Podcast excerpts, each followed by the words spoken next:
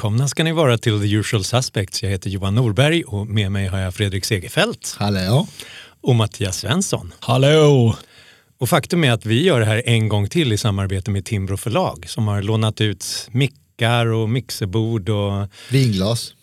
Ja, skål för det. tack, tack så mycket till Timbro förlag. Skål. Och det är ju den här mysiga tiden på året när det närmar sig ja, nyår och, det, och julafton. Den här traditionen som vi då firar till minne av enligt påve Johannes Paulus till minne av eh, Sol Invictus, eh, de gamla hedniska romarnas eh, solgud som ju hade sin högtid den 25 december som var det gamla vintersolståndet. Och Kunde man inte räkna på den tiden? eller? Paulus, det var ju Och- den och- julianska kalendern. Ja, Och numera AIKs tifogrupp. Det är inte därför vi firar jul. men, men enligt Och Johannes det här är förklaringen Paulus, till att februarirevolutionen ägde rum i mars och oktoberrevolutionen i Just det. november. det är Ja. jätteförvirrande. Ja. Ehm, Men som Johannes Paulus konstaterade, då approprierade vi den från hedningarna. Därför att de hade ju ändå en bra fest, och- men den största solen av alla var ju Jesus Kristus. Tänk dig att kristendomen är en enda stor kulturell appropriering. Från judarna och från romarnas eh, eh, ja, hedendom. Men all kultur är ju appropriering. Det var det som var min poäng. Ja. Ja. alltså. Vilken är, det är mormonerna som bara är avskriven, dåligt avskriven bibel va? Det var någon som... Joseph Smith Ja, han, ja, han- bok. ja, men han satt väl och, och fabulerade och så fabulerade han utifrån. Och sen, I, I ganska modern tid. Ja. Det, jag vet inte om det fabulerades men det sägs att plattorna, han hade stenplattor som han hade fått direkt från Moses eller något sånt där. Ja, just det. Men han kunde inte visa dem för någon annan eh, därför att det brände sönder ögonen om man läste den. Men han hade en särskild hatt som gjorde att just han kunde läsa den, sa han till sin hustru som var väldigt skeptisk till det här eftersom det sades på stentavlorna att han skulle ha rätt att ta fler fruar. Just det. Och sen- är, är det och sen därför byggde- de har magiska kalsonger? Eller? Det hänger ihop på något vis. Det hänger ihop Det med inte och inte dricker alkohol. Så att när man är på en, när man tar, går in i minibaren där på hotellrummet i Salt Lake City så är det bara olika läskedrycker av olika slag. Eh, juicer och sånt. Men det ska sägas att mormoner är väldigt trevliga. Tycker jag. Ja, de är bland väl de bästa super nice. människorna som finns. Missionärer liksom. De, ja, de vill att man ska tycka om dem. Hur det är kom ganska- vi det är in på ganska- den det är, ganska, det är ganska kul ändå liksom att hur, em, hur em, eh, 4000 pers på vischan i USA på slätten där bara bygger liksom ett jävla mm, ja, ett träfort för att försvara sin, sin liksom, eh, galenskap. Ja, alla får bli galna på sin fason. Ja, jo, men jag tänker på South Park. Om, om, om jag hade en religion, så varför inte ha en religion om att vara jättetrevlig mot folk? Jo, jo det är sant. Det är sant, sant. Men att de, man, Har ni sett den, The Book of Mormon? South Park-gängets musikal om mormonerna. Den nej. är faktiskt naturligtvis hejdlöst rolig och driver ju med dem, men på ett ganska kärleksfullt sätt också. men i hela tonåren träffar man de här killarna som med sina vita skjortor och sina svarta brickor som kom in där och var amerikaner och lärde sig svenska som skulle liksom, eh, prata med en. Det är ju inte det det här avsnittet ska handla om. Utan jag ville bara poängtera att vi närmar oss slutet av året så att vi har då en podd där vi sammanfattar lite vad som har hänt traditionsenligt. För visst har vi gjort det här förr? Det känns så. någon gång.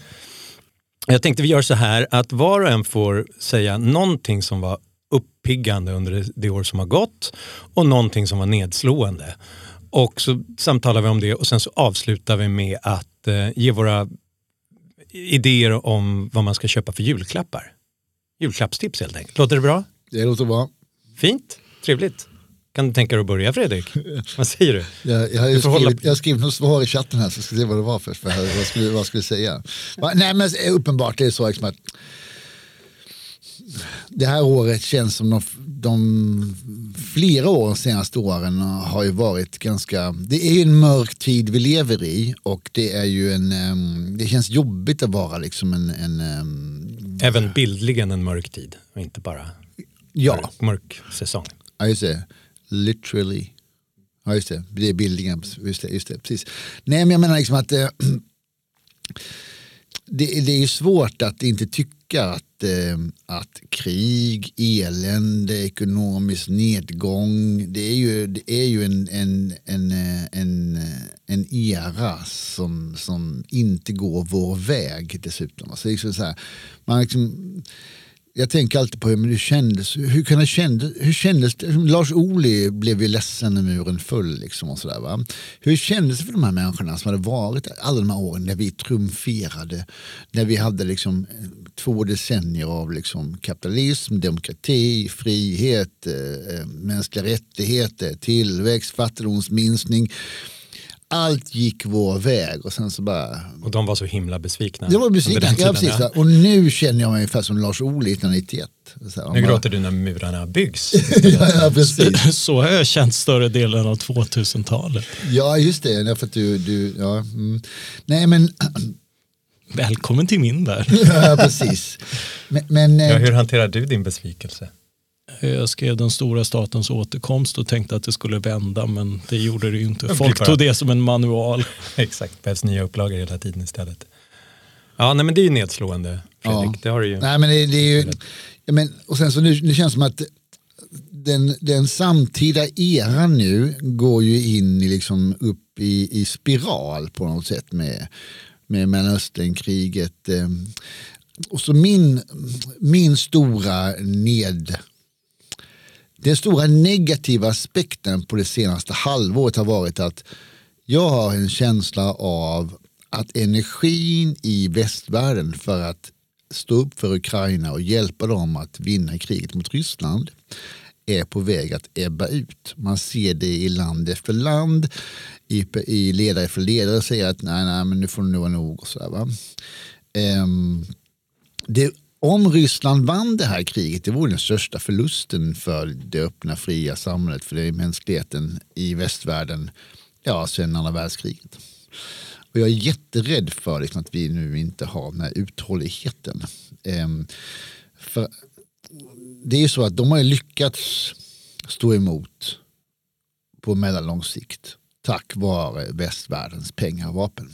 Så är det uppenbart. Ehm, det var en heroisk ansats, att, liksom en heroisk, inte ansats, men en heroisk, man säger inte gest, man säger bragd att förhindra eh, eh, jag höll på att säga Röda armén, men eh, tsararmén att komma fram till, till, eh, till Kiev. Vi alla, vad vi trodde de första dagarna var så här, tankarna var ju när kommer de till Estland? Man trodde det skulle liksom ta Ukraina på fem dagar och sen så när stannade de vad man tänkte på. Och det var ju bra att så blev det inte va? och att de inte hade sån bra armé som man trodde och att det fanns en annan motståndskraft i Ukraina än man trodde. Men sen på medellång sikt så måste de ju få vapensystem, eh, eh ammunition, eh, ekonomiskt system, vi måste ha fler sanktioner mot Ryssland och så vidare. Och det krävs politisk vilja för det. Och jag känner att det finns en fallerande politisk vilja i, i det västländska samfundet.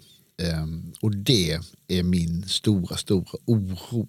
Uh, det, det som negativt har skett bara de senaste månaderna när man ser ledare för ledare som säger ja, nu kan vi nog inte ge mer pengar. Vi måste nog eh, förhandla fram och så måste nog släppa Donbass och, och, och um, uh, i takt med att offensiven körde fast ja, på något vis. Så ja. att man inser att det tar lång tid. Ja, men det här med att körde fast, det visste, jag visste redan detta för jag fick en dragning av Svenskt Näringslivs säkerhetsexpert som berättade liksom att de har alltså, ryssarna har alltså grävt ner sig i sådana här klassiska eh, första världskrigets eh, trenches, mm. vad heter det på svenska? Det heter, Min, skyttegravar. skyttegravar. Och så miner i olika nivåer. Precis, va? och de har sådana två led på de här gravarna. Så det är jättesvårt för liksom, konventionella trupper att, eh, att eh, ta sig igenom.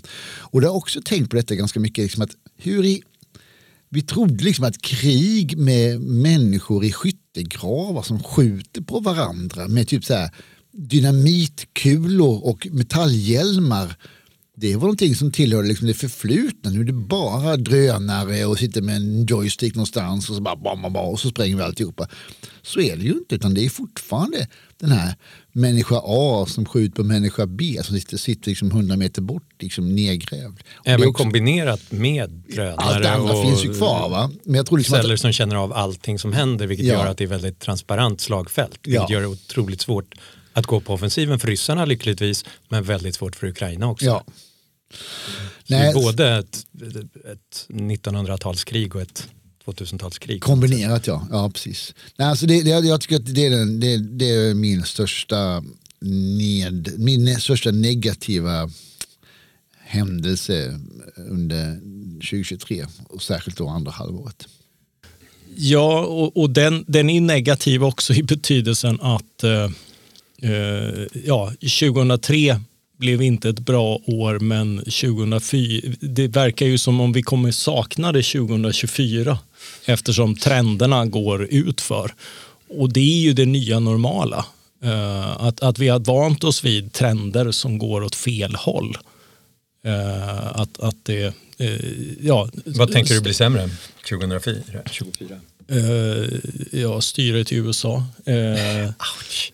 uppslutningen bakom Ukraina eh, möjligheterna att, eh, att slå tillbaka Ryssland, eh, möjligheterna att eh, för människor i Iran som protesterade 2022 eh, och under 2023 eh, möjligheterna att i Ryssland åstadkomma någon form av förändring, för det är ju också en, en reell möjlighet.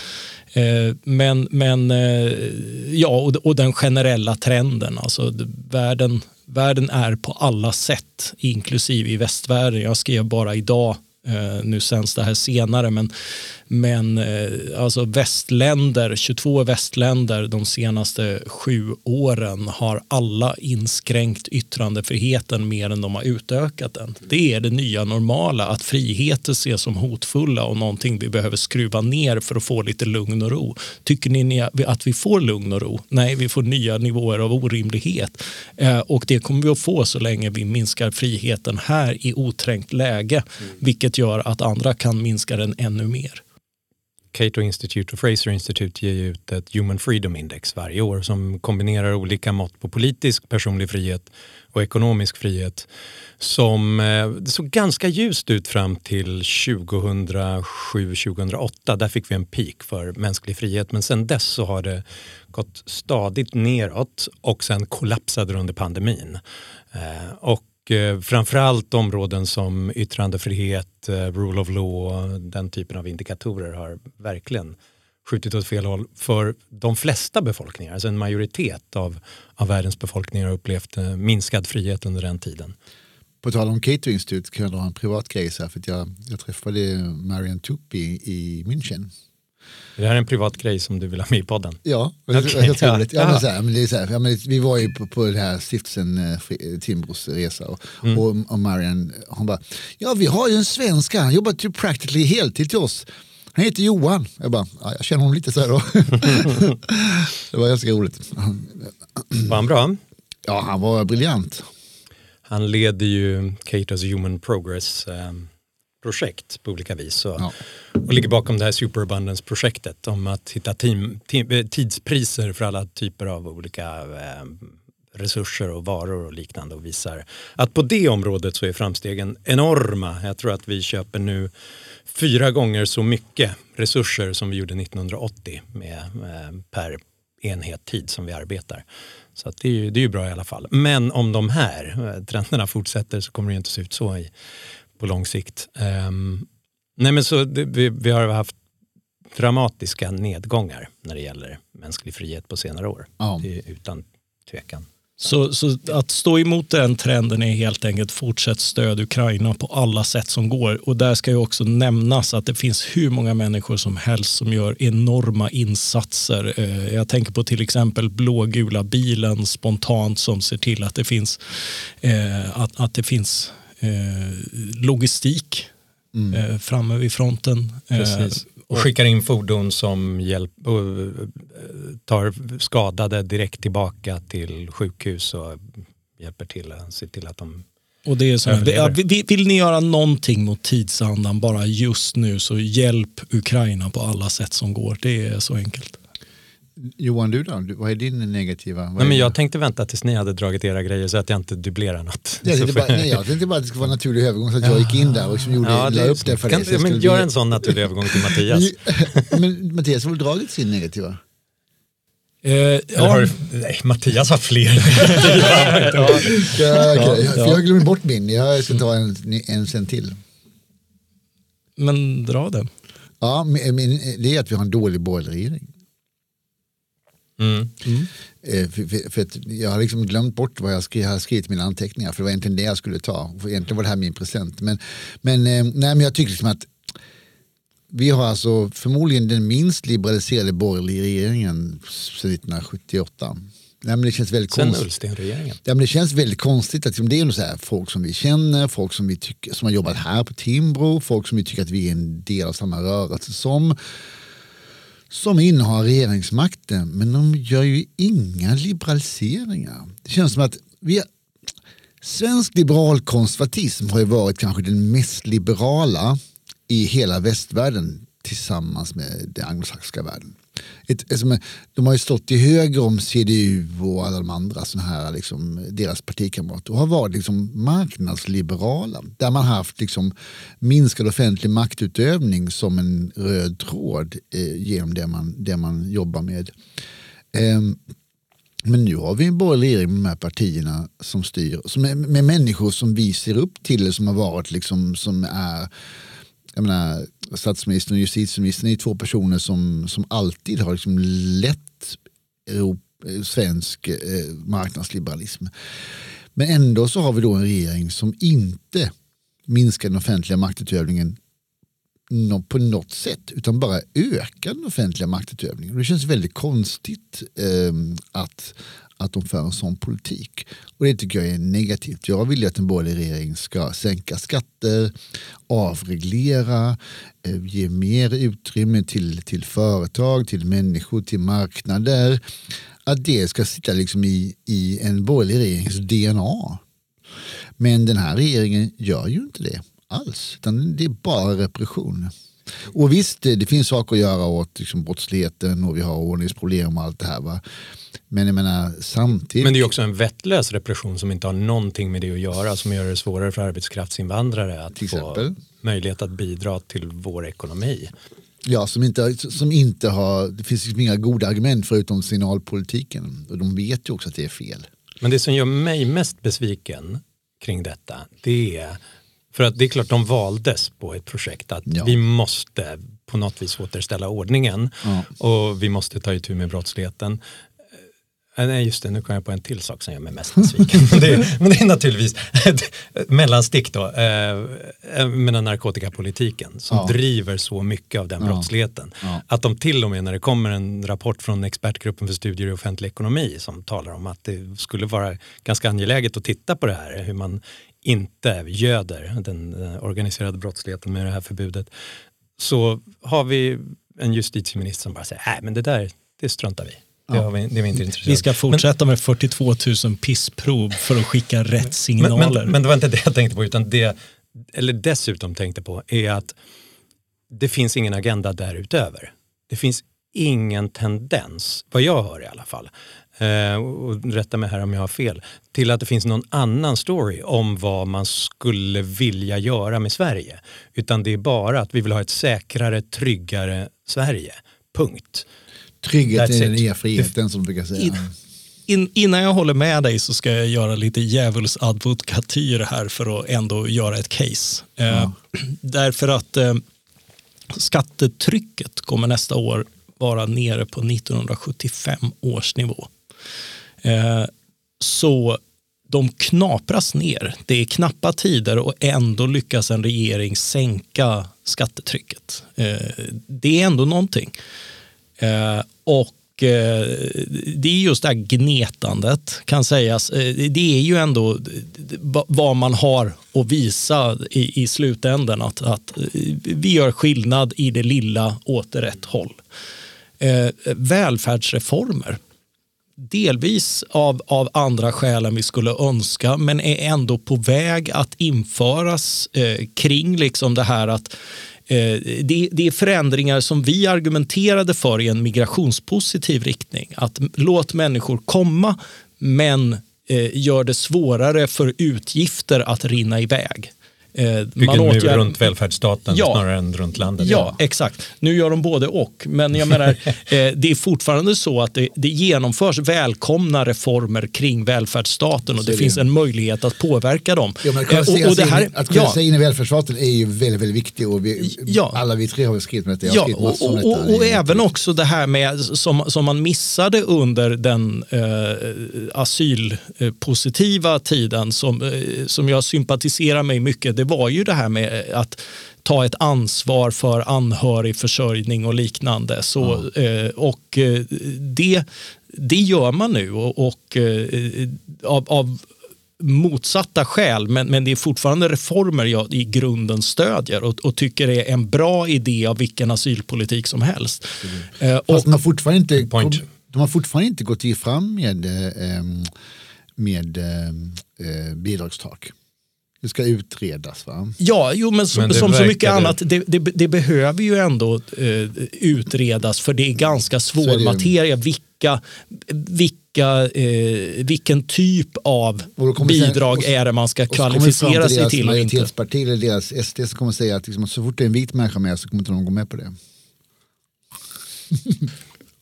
möjligt, men, men jag menar det, det är ändå Alltså där finns reformer som liksom sparandet på biståndet är ändå ett trendbrott och visar vilka möjligheter till reformer som finns i den här nya majoriteten som inte har funnits förut. Eh, Liksom eh, utbyggnaden av kärnkraft och liknande. Alltså spelplanen är ändrad.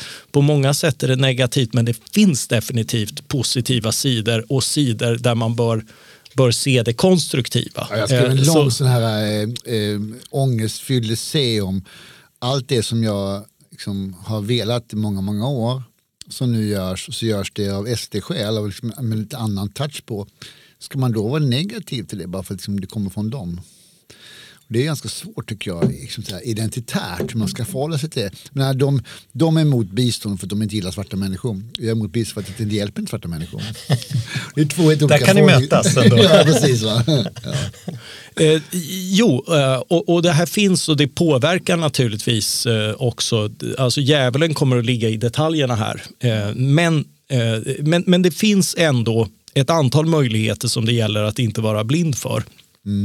Varför jag ändå håller med dig är att eh, dels rättsreformer som jag sympatiserar med i stor del, till exempel att eh, ja, det behövs skärpningar i straffskalor för till exempel ungdomar därför att den typen av straff vi har eller påföljder vi har för minderåriga till exempel de är utformade för ungdomar på glid som sniffar lim och gör lägenhetsinbrott. Eh, De är inte utformade för eh, ungdomar som, AK4 som- ja, som begår kontraktsmord. Nej. Eh, och, eh, och, och då behöver påföljderna bli andra. Eh, och, och där är jag helt för att, att man ändrar. Problemet är att man avskaffar alla straff. Man går för långt i den andra inriktningen. Och det, det är inte bara en sån här, ja men vi gör mer, liksom, utan, utan då överanstränger man ju staten så att, så att de här bra reformerna inte kan ta plats. Det andra är förstås att man fortfarande blundar och vägrar att se eh, inte bara legalisering utan också den här kriminaliseringen av eget bruk och innehav som vi i Sverige är ensamma om i stort sett hela den fria världen om masstester på människor som tar jättemycket, tusentals polisresurser, årsarbetskrafter i anspråk för att ta pissprov på en massa människor och bland de allra yngsta så är det bara hälften som funkar. Vad tror ni det gör med, med människors inställning till polisen om ditt, ditt första möte som ung människa med polisen är att tvingas till förnedrande tester? Sara Skyttedal, tjalalala. Nej, men, Men jag är fortfarande nervös när jag träffar polisen. Ja, jo, jo, jo det, Ja, men det, där är, det där är, det, är inte det den stora skillnaden mellan oss och konservativa? Jag, jag har liksom en så här... eh, Ska man, känna- känner man sig trygg eller känner man sig hotad av en uniformerad person med, med k-pist? Alltså det beror på om man är på klubb och det är en klubbgäst som har klätt upp sig så. Ja. Då är det ju äggande. Men om det är någon som när man går från klubben Ja. står där uniformerad med beväpnad, då blir man ju nervös. Ja, men för jag tycker inte det här liksom är uppdelningen good and the bad guys är uppenbar när någon ska liksom skjuta folk. Men den är ju sen liksom inte, det finns massa gråzon tycker jag mellan liksom good och bad guys. Och, um, Fast, fast det är ju, jag menar, ta, ta Judas situation. Eh, barnen blir otrygga om det inte står en polis utanför därför att de lever med reella hot. Eh, och, eh, och, och gör man det så vänjer man sig ganska snabbt vid uniformerad personal som det mindre onda och det har jag absolut förståelse och respekt för. Men, men, men jag själv som en svennebanan eh, delar ju den här du har ju själv Eh, upplevelse av uniformerad personal som inte är Oh så ja, positiv. oh ja. Alltså, våldsmonopolet behöver alltid tuktas och hållas i, i förmaning. Och, och det, Ja. det, är, det är en tendens jag är rädd för i, i, i det här eh, att, att, att gå för långt. Eh, fetischismen. Eh, Men, och, och, och det andra, om jag, det är ju att det är så oerhört låga ambitioner vad gäller eh, ekonomiska reformer. Ja. Eh, alltså, Arbete, företagande, tillväxt. Ja, ja hela hyresmarknaden och sådär. Där, där fanns ju till och med inom januariöverenskommelsen ett färdigt förslag. Det är väldigt otillräckligt. Man borde liberalisera hela hyresmarknaden. Men att i alla fall eh, liberalisera den för nya bestånd. Bara gör det. Men eh, eh, var det inte så liksom att, att Jöken var mer liberal än det vi ser nu? Ja, I vissa avseenden, även om det är, det är ansträngt. Och det var ju, jag menar, eh, vi vet inte vad sossarna hade levererat Nej, sossarna vill ju inte detta. Och Nej. de, de, liksom, de, Men vi vet att den öppningen på hyresmarknaden i alla fall saboterades av Moderaterna och Kristdemokraterna. ja, av Mac I, ihop med Vänsterpartiet. Ja, exakt. Ja. Och Sverigedemokraterna, där har vi Ja. En ohelig allians. Hörni, vi måste Vi muntra måste upp oss Det, här, något det, här, positivt. ja, det, det här var din första punkt. Har du något positivt från året som har gått, Fredrik? Jo, det är ju, det är ju såklart Milei. Jag tycker det är Javier Milei Ja, i Argentina. Argentinas president. Jag tycker det är, man har kan ha tusen invändningar. Men att en, anarko, alltså en självutnämnd anarkokapitalist blir vald till president i Sydamerikas näst största ekonomi. Alltså, det, och det här är en kille som liksom refererar, alltså, det är som att, det är som att vara på ett seminarium när vi var 20 år yngre. Så, bara, um, Rothbard sa eller, eh, eller som Milton Friedman sa. Eller så där, det, är liksom, det är otroligt. Eh, han har tusen, man, det finns tusen invändningar att göra men det är ju spännande, det är uppfriskande, det är liksom mindboggling och samtidigt, alltså, det känns som att man skulle, liksom, det, att, att han ska bli president, det är som att en, en, en nyanländ 20-åring på första, första liksom, vindricken till Sturakademin skulle bli statschef i Sverige. Ta, tanke, tanken är mer spännande än lockande. Men, eh, jag, för, jag förstår din min inställning. poäng är ju Och- och- att ja. Vi som alltid på med det här med teoretiskt, vi, håller, vi håller på att prata om detta med lite lätt ir- ironiskt tonfall. Det kommer jag aldrig ändå få någon verklighet. Och det, sen Reagan Thatcher har, så har ju Hayek och Friedman spelat någon roll. Och så, nu går han ju ett steg längre. Liksom, Ja, ja, och, och Reagan var en skådis. Det var ingen som tog honom på allvar. Nej, nej, men, men, så så nej. ja, eh, alltså det är, äh, möjligheten men, finns Re- ju men absolut. Reagan vet inte vem Rothbard var. Nej, och det var väl tur. Men han visste vem Bastiat var. Ja, ja precis. Men jag, menar så här, det, jag, jag tycker ändå att det är, all, givet alla alltså, man får säga alla hans svagheter med diktaturen och, liksom, och, och, och, och aborten och alla de här liksom, klassiska latinamerikanska högergrejerna som han är tvungen att köra. Och det här med diktaturen är ju då att framförallt hans vicepresidentkandidat som ju är en konservativ, Ja, men han själv har ju också Galning. sagt att det var inte Ehm. 3000, det var 16 000 eller vad det nu var. Att man ska göra siffror om vem, hur Ja. många som Men dog är alltså, under det, det är en diktatur som, som mördar Men, men, människor. men som- framförallt vicepresidentkandidaten har ju Ja. försvarat den argentinska Och diktaturen. hon på är av den mer klassiska, det, det finns ju, måste göra den skillnaden. Liksom. Det, det, det har alltid funnits en, eh, i såväl i Spanien som Latinamerika en sån klassisk höger som har haft de här banden till det auktoritära. Och de är katolska, auktoritära, eh, kopplade till militära och sånt. Allt det är fel och det tar vi avstånd från. Men allt detta sagt så är det ju ändå någonting, det är någonting fascinerande med, liksom, med, med en människa som ser på staten på det sättet. Ja, man hade väldigt lätt kunnat få en abortmotståndare och försvarare av militärdiktaturen som president som inte vill skapa Vi en fungerande vi ekonomi. Haft Bolsonaro Okej, är ja. typiskt sån här som, som, som, som vill liksom som bara kör statlig inblandning, eh, jag vet inte vad han tycker om abortfrågan i och för sig, men jag menar, som kör det här högerpopulistiska utan att liberalisera ekonomin.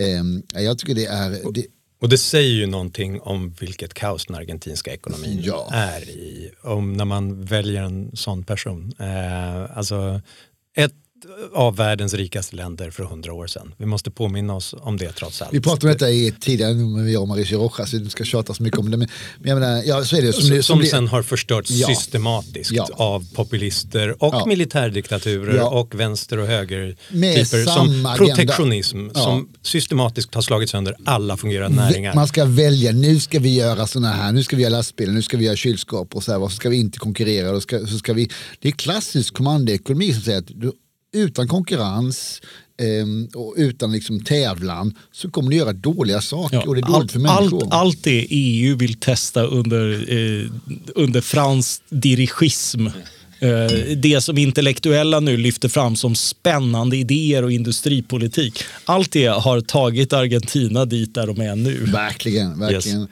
I kombination med en fullkomligt vansinnig centralbank. Som, alltså där ligger ECB ändå i... Ja. Ja, och- långt och Riksbanken. bakom dem. Eh, nu är inflationen uppe i 150 procent ungefär. Så att om du ökar din lön med 140 procent så har du fått en lönesänkning.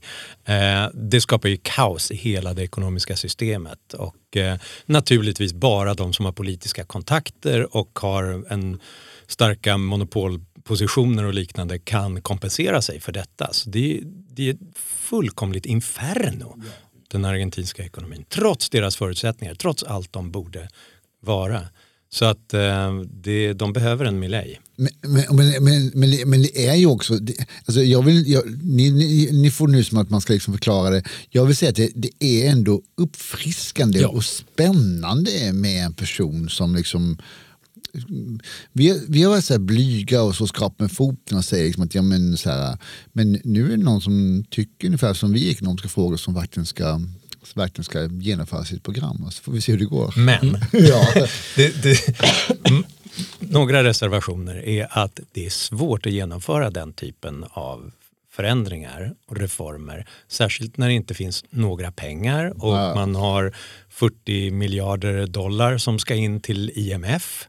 Alltså, det- staten är ju bankrutt, fullständigt bankrutt. Jag vill jämföra det här med, jag vill jämföra det här med, med eh, efter murens fall. Mm. Vad ska vi göra med Sovjetunionen? Vad ska vi göra? med det? Det, det, det, det funkar inte. Det blev liksom ideologisk kamp och det blev liksom en, en, en, en, liksom Och så intressekamp. kom Martlar som hade läst Milton Friedman och, och nu kommer Milley som har läst Milton Friedman. Alltså det, Ja, ja, men- ja, men jag håller med, det är hoppfullt. Ja, men, det, men jag vill också, det är, jag, jag vill hålla med Johan Segsman att det är jättesvårt för att vi har idéerna rätt och han har också idéerna rätt. Men i vilken ordning? Hur ska man eh, dra, dra i de här spakarna? Vi vill inte att samhället ska vara man spakar och pys och trycker. Vi ska lösa det själv. Men har man byggt upp systemet så måste man använda spakarna och pyserna och tryckarna för att lösa det. Och i vilken ordning man gör det brukar vara avgörande. Och jag brukar alltid säga liksom att, precis som jag läste igår kväll, ehm, ehm, vi tenderar ju att, att glömma bort institutionerna. Alltså att privatisera är ett, i ett samhälle att, att genom privatisera en ekonomi i ett samhälle där du inte har goda institutioner, där, där rättsstaten inte finns, där äganderätten inte är trygga och där det finns massa sådana här informella band. Det leder till de här ryska oligarkerna. Um, ehm, och jag är rädd för att de argentinska institutionerna uh, inte är redo för en sån chockterapi som Milley um, ehm, eh, kommer att genomföra. Och det kommer att vara min stora kaviet om inte det går bra. Ja, och det finns ja. en stor risk, Ja. att, med tanke också på att peronisterna har kontroll över så Ja, många näringar kommer- och fackföreningar de och kommer kommer sätta klackarna i Ja. backarna och, ut, och sätta igång generalstrejker och blockera alla reformer som skulle kunna producera de nya jobben. Ja. Så har vi samtidigt det som behövs, att sänka de offentliga utgifterna och att ta bort inflationen Ja. så kommer ju det finnas en risk att det både blir massarbetslöshet och en statskonkurs när, man, när pengarna ska in till IMF Ja. som inte finns. Och då kommer alla säga, kolla så går det när man väljer en liberal. Ja. Det funkade ju inte. Vi Exakt. måste tillbaka till gamla peronismen. Så det finns, och, och där, jag är inte säker, jag kan inte honom tillräckligt väl. Men jag är lite orolig över hans temperament, Millais. Han verkar inte vara den här personen som kanske alltid räknar till tio innan han fattar ett beslut. Ändå är han PhD i economics, liksom, men- ja, men det behöver man inte vara en normal för Nej, att men jag bli. skulle, jag skulle vilja att han, liksom, James Robinson borde komma ner och bli hans rådgivare. Alltså han som skrev When Nations Fail. Alltså Mowgli är sosse men Robinson är bättre. Jag skulle vilja att någon som var bra på institutioner som också så här liksom, höll på. Ser det inte ut, ser det inte här nu till de här för de är liksom, det här, det här ser oss inte på rätt sätt. Det här var en positiv och en negativ eh, från Fredrik. Vi har, eh, Det var jag som, ja, ja, ja. tar ni Precis, vad säger du då Mattias? Har du något Ja, positivt att komma på på det Ja, här spåret? eh, ja, jag har egentligen två. Eh, så jag slänger bara in den ena. Utöver Argentina, tack Polen. Ja, Eh, alltså Tusk eh, sydde ihop en, en eh, majoritet, vad, vad vi kan hoppas på, och, eh, och eh, lag och rättvisa förpassades till opposition. Eh, fredligt maktskifte i ett land där vi lite grann började ge upp om, om just den typen av, av idéer.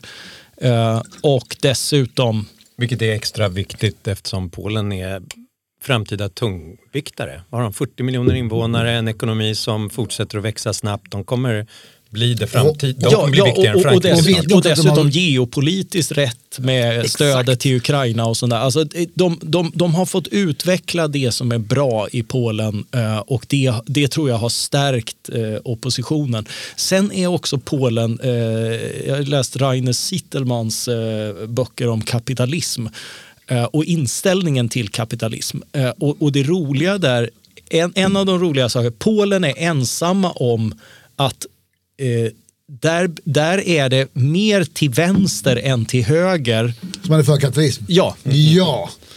Så- ja. så det här- det här deras var höger faktiskt- är ju en jävla Ja, etatistisk katolsk uh, hata invandrare höger. ja, ja precis. Eh, Så, så det, det var, det var otvetydigt bra att, eh, att Tusk vann ihop med vänstern där. Därför att i, i, i en pol, polsk kontext så är jag vänster. Och din ledarsida är typ delad.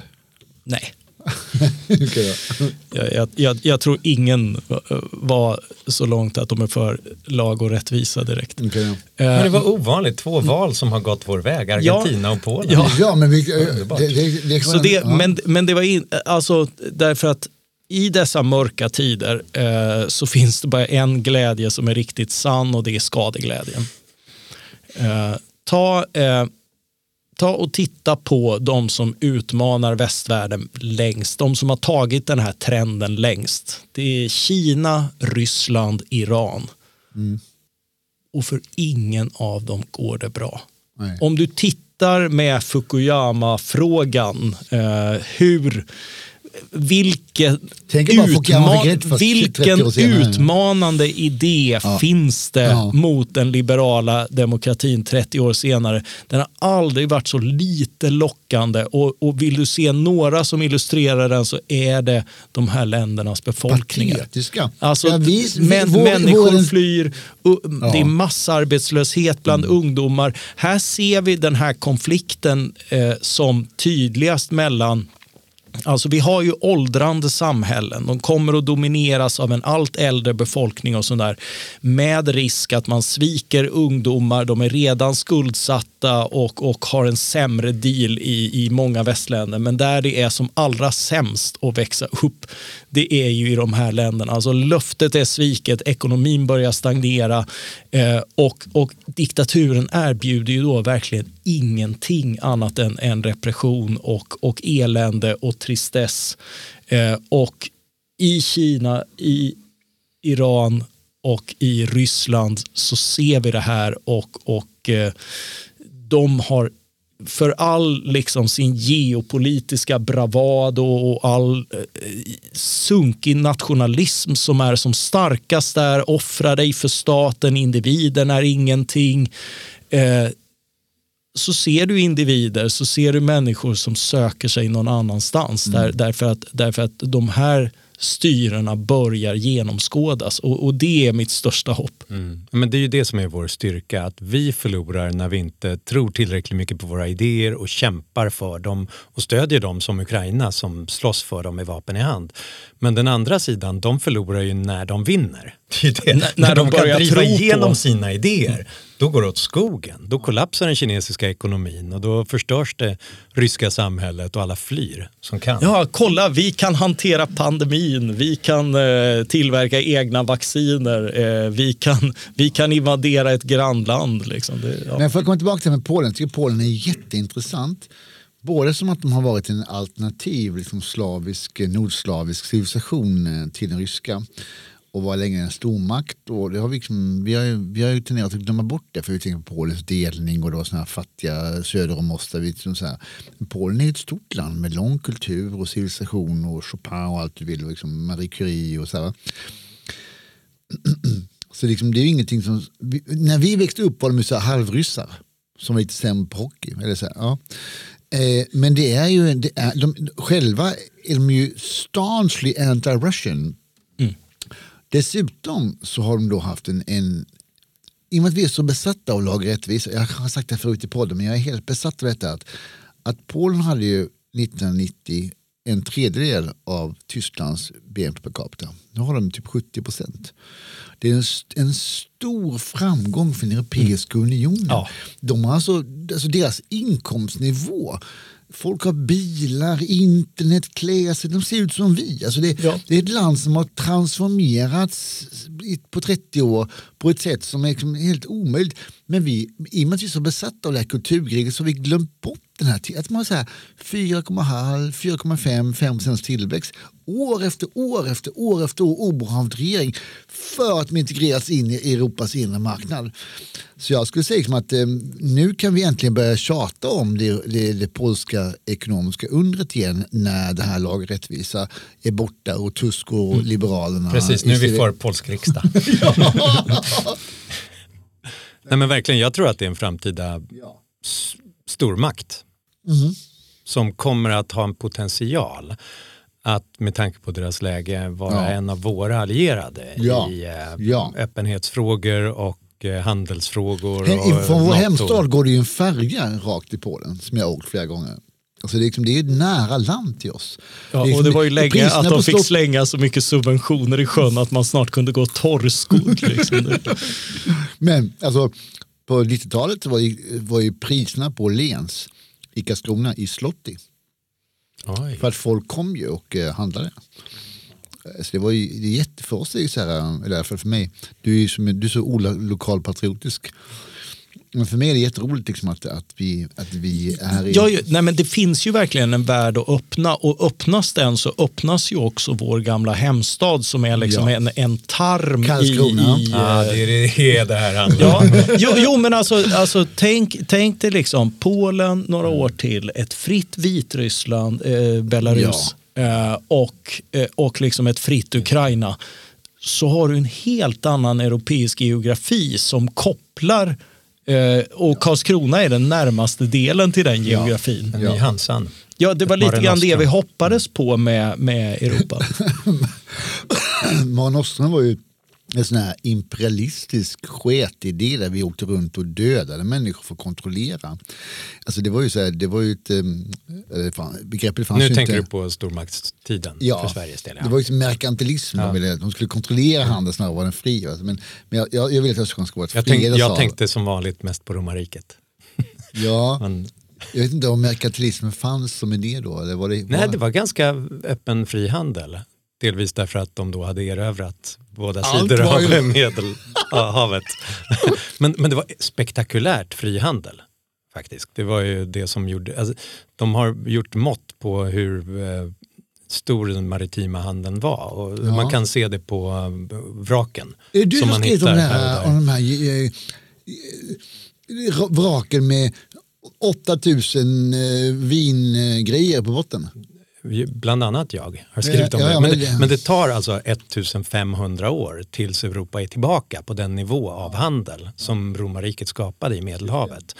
Och då, en del av detta var då det fanns statliga subventioner till vete till en del av befolkningen i Rom och liknande. Men till och med den sköttes av, lades ut på entreprenad. Ja.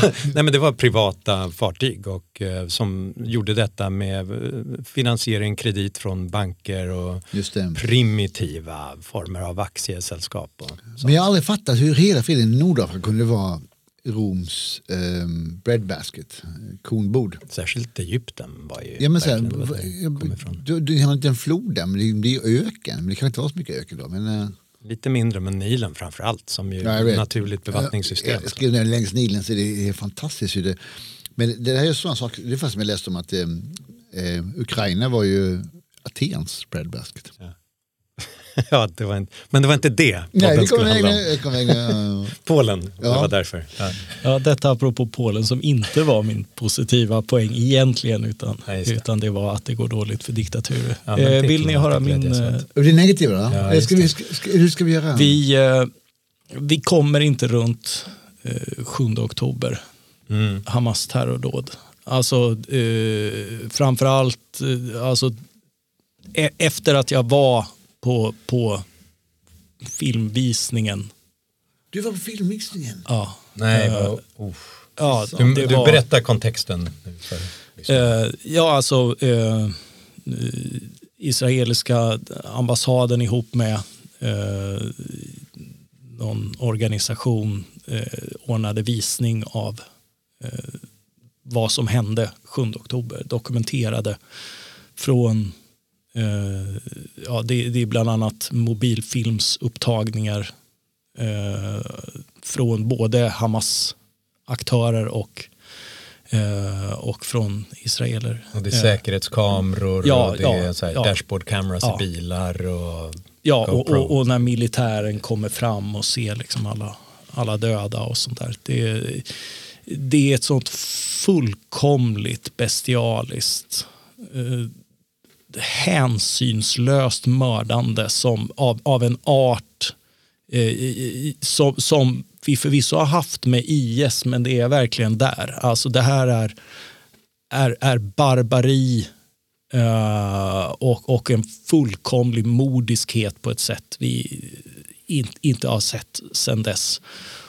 Och det, det, ja, det går inte att komma förbi det som, som en, en av de mörkaste punkterna.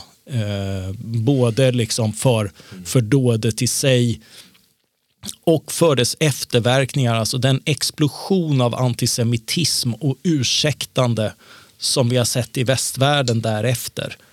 Eh, det, eh, vilket är det sjukaste som finns. Men vi borde inte vara förvånade för det är alltid så här. Ju mer galenskap som sker och ju mer attacker som görs mot judar desto mer antisemitism blir det. Och ju mer skyller man på att det är judars fel. Det, Ja, det, ja, vi är ja vana och, vid det, det i och, Europa. och det är också, tyvärr. jag menar, vi är, ju till och med, vi är ju till och med så att när det begås ett, ett eh, terrordåd av islamister i Europa så skänker vi genast en tanke på att hoppas att inte det här drabbar alla muslimer.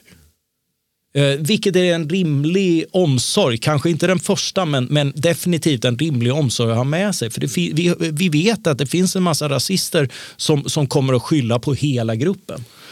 Eh, Ni, ni vet vad jag tycker i den frågan va? Ja, vad du tycker om Hamas terrordåd hoppas jag. Jag tycker så här, att Israel är illegitim statsbildning. Som eh, gjordes med våld. Eh, Till skillnad från vilka statsbildningar tänker du? ja, de allra flesta. Som, Well. eh, så här var det. Men vad sägs om övriga statsbildningar i den delen Men, av men världen? så här, så här Fredrik, Libanon, Fredrik, eh, Irak. Fredrik Ja, eh, men- eh, vänta, vänta, jag, vill, jag, jag vill ju först dra mitt case, sen får ni svara. Nej, men först, först så här, vilken relevans har ditt case för Hamas terrordåd?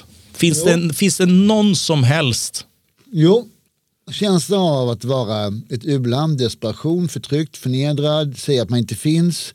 Eh, någon har styrt mitt land Ehm, och jag har, inga, eh, jag har ingen förmåga att, att trycka tillbaka militärt en eh, av västlandet stödd kärnvapenmakt som, har liksom, som, som är som de facto Europa fast som lever i arabvärlden.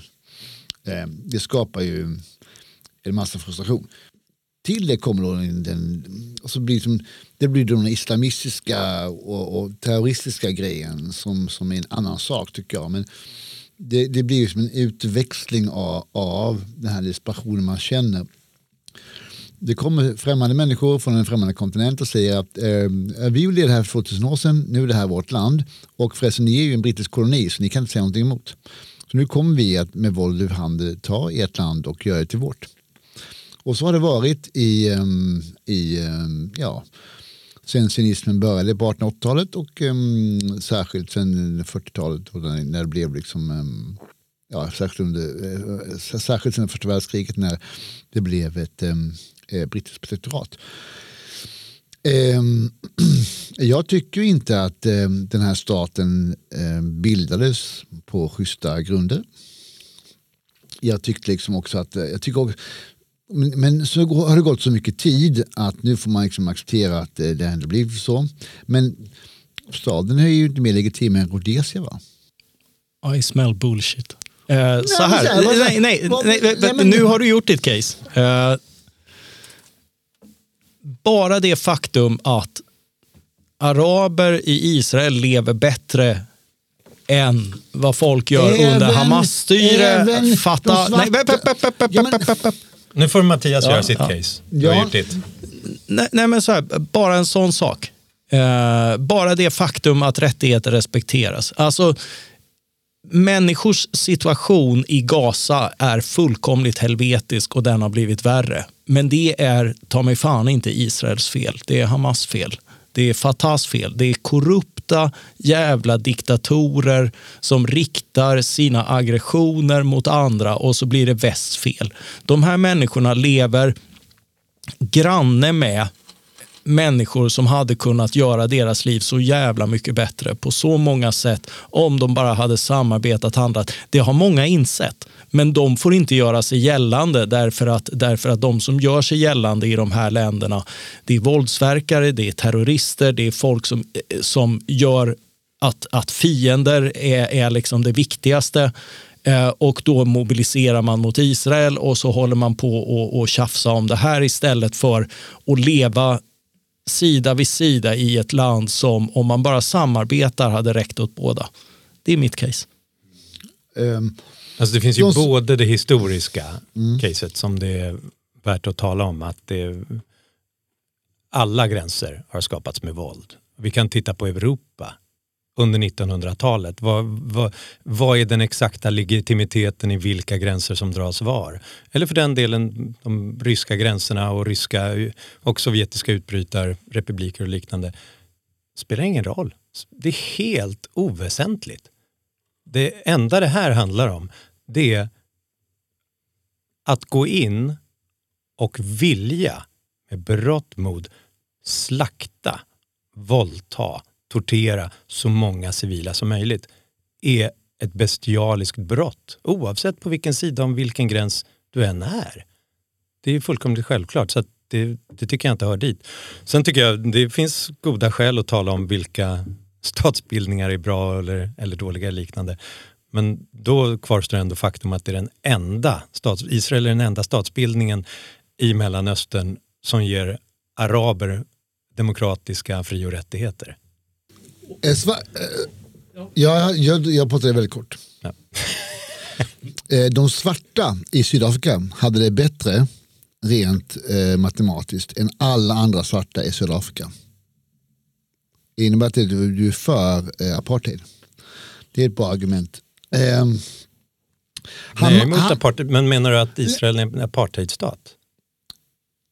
Poängen var inte det, poängen var man, det är det här ni gör, ni, ni har fem argument, sen ska jag göra logik av alla fem argumenten istället för att möta argumentet i realtid. Det gör att jag får en pedagogisk eh, uppförsbacke. Jag vill bemöta det som äh, eh, Mattias sa med mitt argument som jag sa där. Och så ska du svara med ett annat argument. Det är inte rättvist, det är, inte oschysst, det är oschysst. Ehm, du sa så här att eh, araberna i, eh, ehm, i Israel har, har, har det bättre än i alla andra arabiska för de får rösta. Så är det. Men, eh, De har det då- materiellt bättre också. Exakt, då säger jag så här. Svarta hade det bättre i Sydafrika än i alla omgivande stater. Det motiverar inte apartheid. Nej, det motiverar Nej, nej, att svarta ska ha fri och rättigheter i Sydafrika. Precis som det vis som motiverar araber att har det i. Israel. Ja. Men det motiverar inte Okej, på något sätt. Vi började det här med terrordåd. På vilket sätt är Ja. det på något sätt kopplat till det? Ja men terrordåd blir sen Twitter blir, här, offentliga debatten är ju så här, höger är för Israel och vänstern är för eh, palestinierna. Det är helt sjukt i huvudet. Varför i helvete Ja, är, det är det, det. varför är det höger att vara för Israel? Israel är en, är en etniskt definierad stat som eh, är högerextrem och som med våld förnedrar människor i sin omgivning och förnekar en statsbildning eh, eh, bredvid sig som skulle kunna lösa problemet för att de inte har några intressen av det. Nu har jag fyra andra argument ni har fått fram som jag ska svara på. Hamas suger ja. Människorna som eh, lever i Gaza gör det inte, inte heller på Västbanken. Eh, sen sa Johan så här, alla gränser har en gång skapats med våld. Ja, men det har liksom inte kommit några aliens till en europeisk stat från en annan kontinent med överlägsen teknik och sagt eh, vi var här för 2000 år sedan, nu ska vi bo här, ni kan dra. Utan det var så här, tyska, tyskarna har flyttat från Sudetenland till Tyskland. Ehm, det är inte så liksom att Genghis khan är väl den största motsvarigheten när man kommer in liksom från en annan kontinent med en annan kultur. Och så.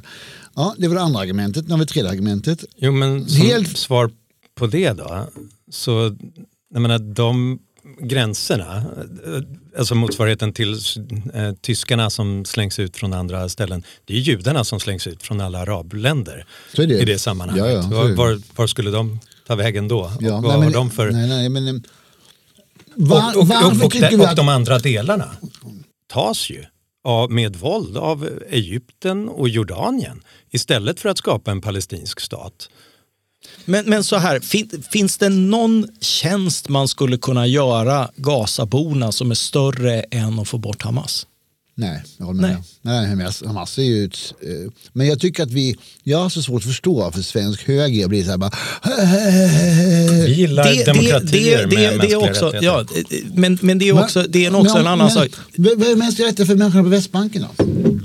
Men nu har man en regering i, i Israel som bara, nej vi har en etnisk historisk rätt till den här marken. Så nu kommer ju västländska, Jo men stopp ett tag, blanda inte ihop den regeringen, Ben- Benjamin Netanyahu och hans högerextrema regering med det judiska folket som nu avskyr den regeringen dessutom. De har valt den. Och har, ja, men de, den har 40-procentigt stöd ungefär. Eh, Det är ungefär som ja, Hamas Trump. har starkare stöd på Gazaremsan ja, ja. än vad Netanyahu har av, av israelerna. Det tycker jag har varit en helt galen politik som Netanyahu har fört. Som dessutom har stärkt Hamas på väldigt många sätt. Och det är nu någonting som de flesta israeliska väljare står upp för också. Eh, Hamas är ju inte intresserad av en, nej, tvåstatslösning överhuvudtaget. nej, de vill Hamas krossa Israel. ja. Men jag förstår inte säkert att jag tycker att det här, det här, i den här grejen finns en massa tabun som är helt sjuka. Så bara, eh, om man säger, "Oj, jag är antisionist. Nej, jag tycker inte att eh, eh, brittiska och eh, europeiska judar skulle komma ner och bygga en stat i, i Mellanöstern. Nej, det var en dålig idé från början. Det var väl en utmärkt idé med tanke på vad de har gjort av Det det. bodde redan människor där. Ja. Vad ska de människorna ta vägen? Jo, Men de de, fick de flesta bor ju Ja, kvar. Ja. Och de har det får kvar och behålla sina de- äganderätter. och- Och, sina ännu fler hade kunnat få det de ännu kör bättre. med bulldozers bort deras byar och deras Fast hus. nu och talar de om de att- ockuperade områdena. Varför är de ockuperade? Jo, därför att Israel blev angripna från de territorierna Därför att de- det ögonblick Därför att som de från början Israel etablerar en skapades. etnisk stat. Jag har frågat så här tusen gånger. Så här. Skulle du acceptera att Israel blev demokratin i Mellanöstern? Och alla fick återvända och så skulle vi inte ändra konstitutionen. Får judarna återvända? Ja. Och, så här, Och, men- och, och, och då Ja. bygger du på liksom men, att... ja, men låt mig dra caset då, rent för, teoretiskt för att ni ska få höra hur sjukt det är. Så här, vi säger att konstitutionen inte går att ändra, rent teoretiskt. Den går inte att ändra. Det är en multietnisk stat är demokrati som är det, som det är i El- Mellanöstern, Västbanken och Gaza. Skulle du vara för det då? Har jag frågat eh, tio sionister. De säger nej. Så här. För eh, jag kräver att det ska vara en judisk stat där. Alltså en stat med en etnisk identitet som inte motsvarar befolkningsmajoriteten från början. Och då har den andra befolkningsmajoriteten bara, nej, då får vi inte, då får vi ge oss. För att de andra människorna har kärnvapen och typ drö- drönare. Fredrik, så, så här. Eh, Falklandsöarna, för att ta en annan sån här. Eh, är de tvungna att ta emot alla eh, fastlandsargentinare som skulle vilja flytta dit och, och låta dem ta över och ändra konstitutionen? För det är lite det du argumenterar Nej. för. Hur många människor är det som bodde på, som var, kallas, som pratade spanska och var latinamerikaner? Du menar att man måste ha bott där förut? Du har ju inte rätt att flytta dit för att du vill. Jag tycker inte att ett område, så här, jag tycker att en människa som bor på ett område och de flesta människorna eh, ser ut och känner likadant, inte ska tvingas att leva under en, ett våldsmonopol som inte delar din identitet. Bra, då upplöser vi Iran och Irak och Libanon till att börja med. Ja, men alltså att, att den europeiska kolonismen skapar en massa konstiga skitgrejer. Eh, men där har du ju en sunn... Nej, du har inte en sunn... Men så här, där europeisk kolonialism skapade. Hongkong. Ja, Var inte det bra? jo. Men där fick- där fick man hade du haft en mänskliga folk, Hade du haft en rättigheter. folkomröstning så hade du haft en, eh, ett ja till att leva kvar som Hongkong. Vi, vi, vi är på en timme nu och eh, vi har inte... Jag, jag tycker det är fascinerande att, eh, alltså, och, och talande att eh, vi kommer till det här mörkret, eh, inklusive antisemitismen i, i väst. Jag är inte antisemit. Nej. Eh, Men det är ändå den här, och, och det, det finns en exceptionalism kring Israel. Du har rätt i att Ja, den är från det- båda hållen. Ja, och, Eh, folk, och- bägge sidor är helt sjuka i huvudet. Ja, Jag skrev eh, ut en bild som var så här, en någon sönderbombad människa, någon, någon terrorstörd människa. Jag bara, vad ska jag välja? Jävla kulturkrig? Är ni sjuka i huvudet eller? Ja. Eh, och, och jag menar, eh, det finns ju ingen mer fruktansvärd situation eh, än den i Gaza. Alltså det är svårt att tänka sig. Folk är instängda, eh, underställda fanatiker. Eh, all- alltså det, det är bland de värsta odds man kan tänka sig. Ja. Eh, det måste förändras. Eh, men, eh, men, men jag menar, den lilla öppning som fanns eh, där människor kunde komma ut och tjäna tio gånger så mycket som, som det, eh, den typ medborgarlön folk lever på där, massarbetslöshet och jävelskap i Israel. Ja, då utnyttjade ju Hamas det för att angripa och döda människor. Ja, ja, så är det. Men alltså, jag, jag har inte Hur- haft hur- några hur som bygger helst... du eh, liksom- Nej.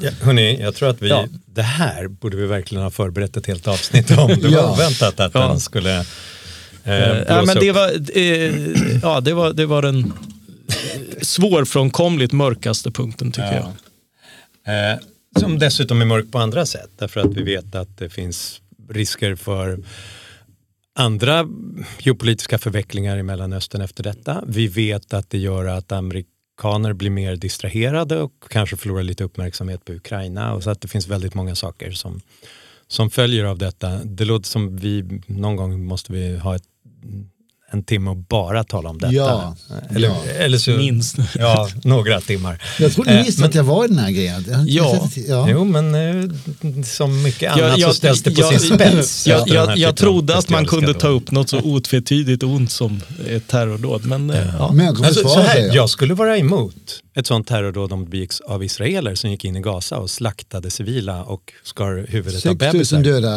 Det- palestinska barn. Ja, men vänta, stopp ett tag. Skillnaden är att Viljan, Hamas syftet. ville döda så många civila som möjligt. Israel försöker undvika Ja. att döda civila när de Det slår är klart tillbaka de kan mot terrorister. De hade kunnat sköta sitt jävla jobb kompetent. Hörni, är det någon som vill höra om mina Ja, positiva och negativa sidor över året? Jag har inte tänkt igenom det här utan jag tänkte att det här skulle bli någon slags restpost efter att ni var klara. Med, det, ni har täckt in rätt mycket faktiskt. eh, det var så jag tänkte också. Ehm, Det är så jag brukar tänka. Men hörni, negativt. Det som finns kvar här är att det, det börjar luta åt att det amerikanska valet kommer att utspela sig mellan Biden och Trump. det är svårt att inte bli deprimerad av, av sådana utsikter. Det är, det är väl samtidigt Rösta på idioten, eh, inte på fascisten. ja, precis. Det Det, gamla det var ju liksom lite roligt när, när eh, franska, var det trotskister eller vilka var det som, som eh, när, när eh, Le Pen den äldre mot- mot, Jacques Chirac. Hur var den äldre? Le Pen, Le pappa Pen, Le Pen. Pen pappa eller- Le Pen. ja, ja, ja, just det, ja. Och då var det ju rösta på Idioten. Eller var det, id- nej, eller var det skurken? Nej, rösta på Ja, idioten, rösta på inte idioten, på inte fascisten. fascisten. Ja, eh, det det, blir finns säkert ett franskt ord som är båda. Och nu ska man i och för sig säga att det finns möjligheter. Allt kan hända och USA är ett oförutsägbart land. Nikki Haleys Ja, eh, Nikki Haley. plötsliga lyft i opinionen och hennes nu stöd från Coke, eh, det som, ja, han som finns kvar av Coke-bröderna eh, och liknande. Alltså, det finns någonting där. Det Haleys skulle- komet. Och det, allt fler talar om att det är många demokrater som nu står och väntar på att eh, Biden snubblar en gång för mycket i flygplanstrappan. Fall. Alltså det kan vara så att vi plötsligt men om, Nikki, ett, men Nikki om Haley några månader bara, talar om Nikki Haley mot Gavin Newsom eller något Let's invade Iraq. Hon är ju en sån här men neokon. i, Hon har ju eh, helt vansinnig åsikt. Hon kör liksom så här, ja, lösningen på problemet med opiater är att vi invaderar, militären går in i Mexiko. Och sånt. Ja, exakt, så ja. att det finns galenskap där också. Men det är galenskap inom normala parametrar. Hon är normal, men, normal republikan. Hon kommer inte göra den typen av saker. Eh, och det, det kommer bli en del dålig politik inom normala parametrar. Och jag tror att om det skulle bli så att eh, Nikki Haley plötsligt var Republikanernas presidentkandidat, ja dels skulle hon bli president eh, i USA, men, men framförallt kanske, vi skulle ha en helt annan diskussion i världen om sådana här saker. Då är det inte längre förutbestämt att det kommer vara galna nativister och populister så där, som, som tar över världen. Men, Det här är Johan Norberg som försöker vara negativ. men, men jag tror Nej, det nej, alltså negativa är att- att det blir förmodligen Trump. Republikanska partiet kommer tillbaka och blir normala. Är ju, alltså det skulle ju vara... Alltså Nikki Haley, ja, äh, äh, mil- military inventorism, äh, neocon allt det här. Bla, bla, bla. Men hon är liksom, hon är en mainstream äh, människa i Republikanska partiet som tar, tar bort det här jävla konspirationsteoretiska Rysslandskramande. Jag tror i alla fall inte på Pizzagate och Qanon. Det, det är vi att, att, att take det är it and run vi- with ja. it. Det, det, det, Vi, vi tar sänkta liksom det, vi- det vi tyckte var sämst med Republikanerna förut och Ja. längtar efter det. Ja, ja. det är en väldigt bra poäng. Ja. Men, men det var min negativa poäng. Ja. Ja, ja. Min negativa Att poäng är att jag tror att det blir Trump mot Biden. När fan trots är det nu då? Det är alltså nästa vinter? Ja, om ett år ungefär. Eh, Just det, ja. fuck. Och, och, Jag och då bojkottar finns USA det ju, nu. och Biden är en katastrof. Som liksom, den ekonomiska politiken och eh, den industripolitiken och handelspolitiken sänker USA och sänker USAs möjligheter i världen och alienerar vänner. Eh, men det är det bästa naturligtvis i det valet. Och ändå så har de ju typ så här 4,5 procents tillväxt. Ja, så de har ju grundförutsättningar som är ganska goda. det är men, så sjukt. men om Donald Trump blir vald och kör... Förlåt? Jaha, vi har bråttom. Vi ska sluta. Okej, eh, anyway, eh, den positiva. Okej, En- det som gör mig mest uppiggad under det här året är teknik. AI. Large language models och vad de kan göra med bilder, med hi- hitta i, en extremt stora datamängder hitta nya bisarra lösningar på allt från materialteknik till nya medicinska upptäckter. Det är helt revolutionerande. Jag tror att om 50 år, om vi ses här igen, då kommer ingen komma ihåg vem Trump var eller vem Xi Jinping var. Eh, och Gaza kommer att blomstra som en del av frihandelszonen med, med Israel. Men det vi alla kommer att komma ihåg det är att det var där AI började och löste alla, alla våra problem. Um, om det inte dödar oss. Det, det finns ju den möjligheten också förstås. Men, eh, men jag tror inte det. Eh, men, men att titta igen på tekniken om ni vill upp, bli upplyfta och uppiggade. Ja, ja, det där är mycket bra. Jag, jag tänker på Anna i den fantastiska tv-serien This Life på 90-talet som eh, när, när hon testar ecstasy med någon så frågar han eh, vad kommer att hända? Uh, you'll either have the time of your life or you'll fall flat dead. uh, eller tvärtom, you either fall flat dead or have the time of your life. The latter is the larger possibility. uh, och, och så är det med, med, med det här. och, och jag läste bara innan jag kom hit en fantastisk text av Jesper Sandström som kommer i SvD, som säkert är ute vid det här laget, där han skrev att 40 procent av hushållsarbetet tror man i framtiden kan lösas av AI. Inom en snar framtid, alltså det här är på gång. Alltså bara det. Eh, jag, jag måste, slippa jag måste, hacka jag måste lök För tio år sedan på. så var det så här, nu skulle nanorobotarna komma in och äta upp all cancer. Det har man inte gjort. Nej, men å andra sidan har robotdammsugare och annat eh, robotgräsklippare och annat ja. tagit över en del av varan. Ja, ja, ja, ja, men, men det är just petitesser det kommer att ta över. Du kommer alltid att kunna fnysa åt det. Det kommer inte ta över världen, men det kommer att göra den lite bättre. Och det är ju den positiva nyheten. Inför det här samtalet tänkte vi, hur ska vi kunna prata om det här 45 minuter? Det har gått en timme och tio minuter. Ska vi stänga av den här knappen?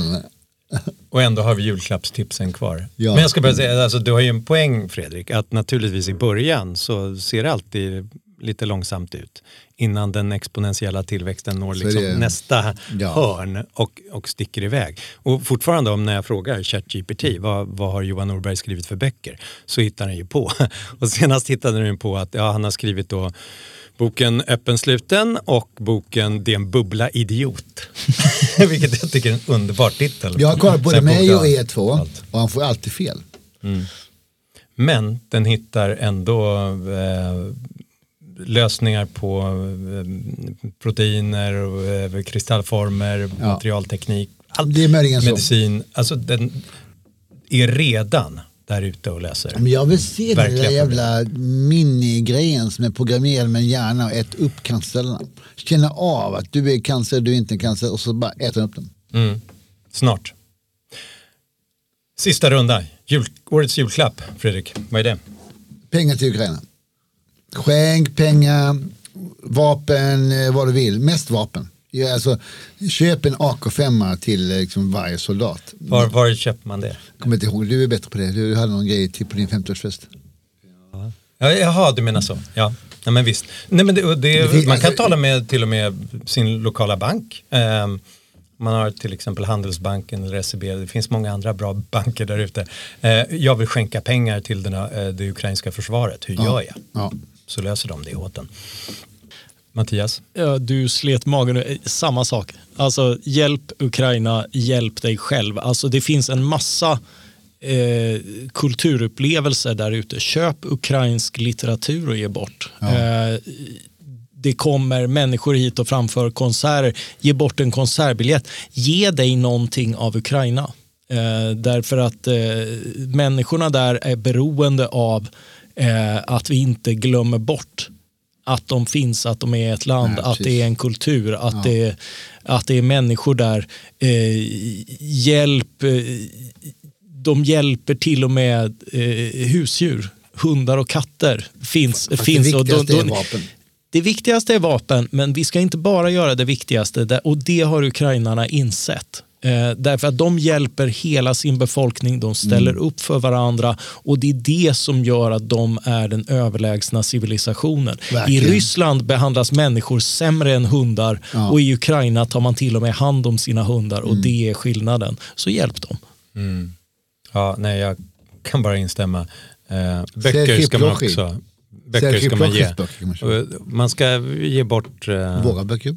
Ja, våra böcker kan man ge bort ge en pocketbok till folk. Det öppnar upp en helt ny, ny värld för, eh, mm. för mottagaren. Det, men, det jobbiga är att jag kan ju inte uttala namnen men Ersatz förlag ger ut en massa översättningar och annat aktuellt. Titta in där så kommer ni inte hamna fel.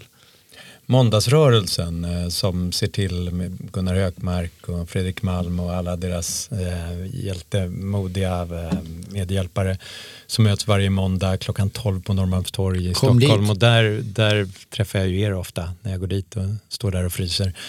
de har årets julklapp för dem, det är en insamling till blågula bilen där man går, in, går dit eller om man går in på deras hemsida så kan man få ett eh, gåvocertifikat. Eh, man skänker och ser till att hjälpa och understödja och, eh, och så får man ett certifikat som man kan ge, ett gåvobrev till den person som man vill uppvakta. Det tycker jag är årets Det gav vi julklapp. till dig på din 50-årsfest. Jag är fortfarande, jag lever på det. Fortfarande. Det är väldigt viktigt, Tack det. det. är centralt. Ja.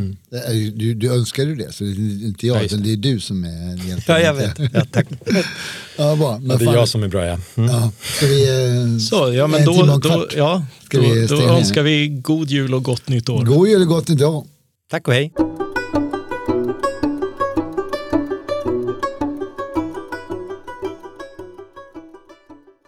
Du har lyssnat på Ideologipodden, en produktion från Timbro förlag och Timbro presenterar. Inspelning och redigering av Johan Skugge, musik av Anders Meisner, Chilla Gorilla. Du hittar den här och alla våra andra poddar på timbro.se podcast.